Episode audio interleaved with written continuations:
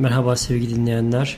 The Story of Us isimli belgesel paralelinde Amerikan tarihini incelemeye devam ediyoruz.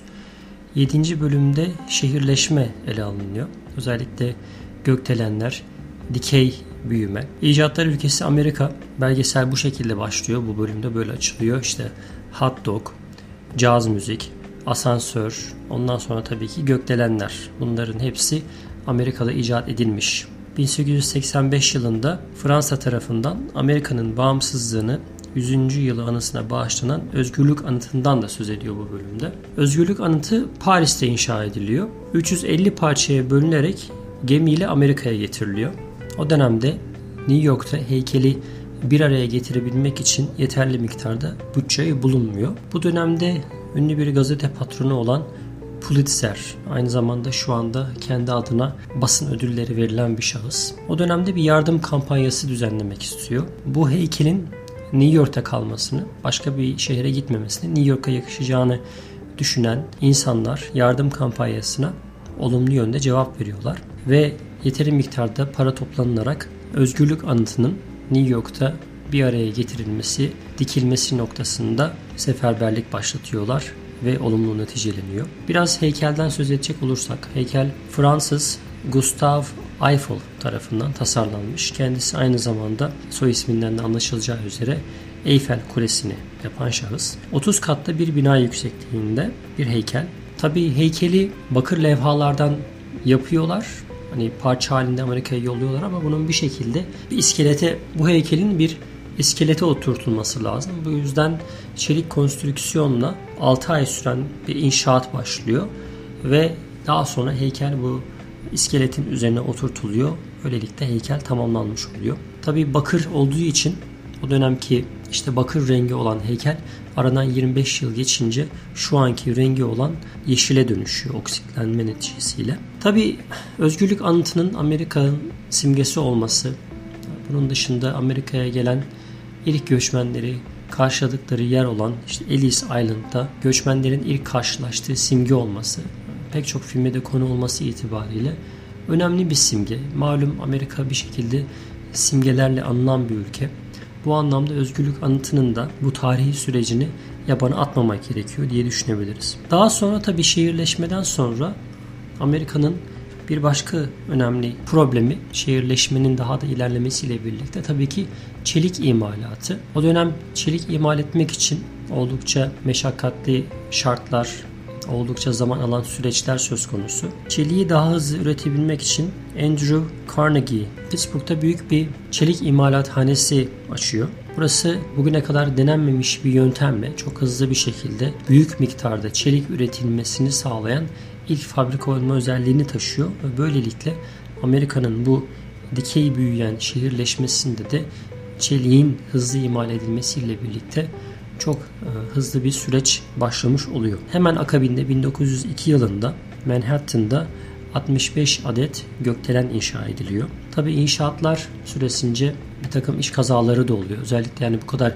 yüksek binaların yapılmasında o yüksekliklerde o günün şartlarıyla ciddi anlamda iş güvenliği koşulları tam olarak oturmadığı için çalışanların işte her 5 işçiden 2 tanesi ya hayatını kaybediyor ya da ciddi anlamda sakatlanıyor bu gökdelenlerden düştükleri için. Tabi kat sayısı artmasıyla birlikte o günün şartlarında 5 kata kadar müsaade edilirken 5 kattan sonra asansörün keşfedilmesiyle birlikte kat sayısı da artıyor. Tabi asansör yine bu bölümde geçen işte ünlü icatlardan bir tanesi.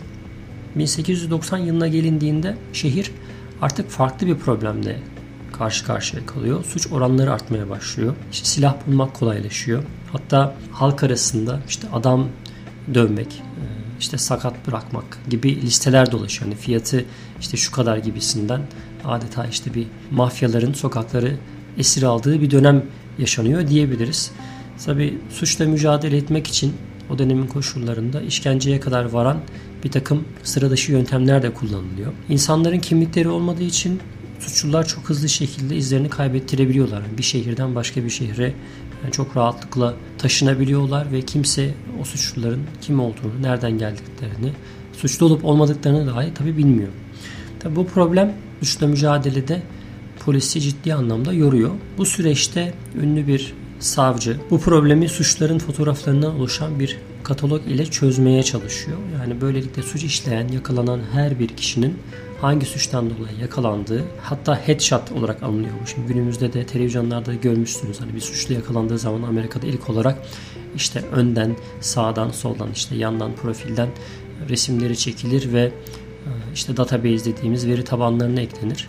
Burada da işte bu mantık ta o zamanlardan işte suçlunun isminin altına yazıyorlar. Hangi suçtan dolayı arandığını, hangi suçlarla suçlandığını yazıyorlar. Böylelikle ilk defa bir suçlu veri tabanı oluşturuluyor. Bu sayede ciddi anlamda suçla mücadele etmeyi başarıyorlar. Nüfusun artmasıyla birlikte şehirlerde birden fazla aile aynı apartmanlarda yaşamaya başlıyor. Hayat koşulları tabi yoksul aileler için oldukça zor hale geliyor. Sokaklar hayvan pislikleriyle doluyor. Tuvaletler evin dışında olduğu için sokaklar insan dışkısı doluyor. Bu süreçte bu temizlik problemini mücadele etmek için bir takım önlemler alınıyor. Hatta temizlik timleri kuruluyor. Sokakları temizlemek için işte beyaz elbiseler giyen temizlik görevlileri göreve başlıyor. Tuvaletler evlerin içine yapılmaya başlanıyor. İşte kanalizasyon sistemi gündeme geliyor. Böyle böyle hani çöp toplama, kanalizasyon derken artık şehir planlaması, şehircilik yavaş yavaş oturmaya başlıyor. 1879'da Thomas Edison'ın ampulü keşfetmesiyle birlikte tabi şehircilik anlayışı artık farklı bir döneme giriyor. Çünkü gece hayatı, hani gece eğlenceleri veya insanların akşam karardıktan sonra bir şekilde hayatlarını devam ettirmeleri mümkün hale geliyor.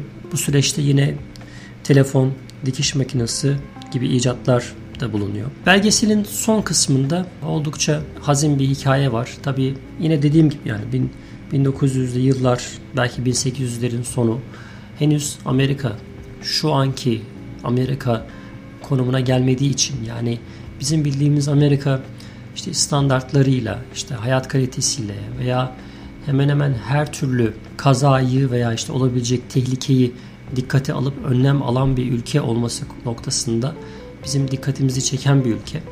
Şimdi bu noktada o dönemin koşullarında henüz Amerika'nın bu tip standartları, bu tip önlemleri henüz daha oturtamadığını görmüş oluyoruz. Mesela bunlardan bir tanesi işte bu yangın kaçış merdivenleri. O dönemde işte yüksek binalardan bir tanesinde fabrika olarak kullanılan bir binada zannediyorsam 9 katlı bina. Çok fazla çıkış yapılmıyor. Hani kapılar dar, asansör var. İşte insanlar belki yüzlerce insan o fabrikanın içerisinde çalışıyorlar. Fabrika demeyelim de bir nevi imalathane gibi. Özellikle genç kızların ve bayanların çalıştığı bir fabrika. Burada çıkan bir yangın maalesef zamanında söndürülememesi ve pek çok insanın zamanında binayı tahliye edememesinden dolayı 146 kişinin ölümüyle sonuçlanan bir faciaya dönüşüyor. Tabii bu yangın sonrasında yeni kanunlar çıkıyor. Artık kapılar kamuya ait yerlerde. Bu önemli bir şey. Yani insanların kullandıkları mekanlarda kapılar dışarıya doğru açılıyor Amerika'da. Hani bu uygulama ta o zamanlara gidiyor. İşte otomatik e, su fışkırtma sistemleri ekleniyor. İşte binalarda şu an özellikle büyük binalarda işte okullarda, hastanelerde, işte kamuya açık yerlerde bu sistemin olduğunu görürsünüz Amerika'da. Evet 7. bölüm de bu şekildeydi. E, bir sonraki bölümde görüşmek üzere diyelim.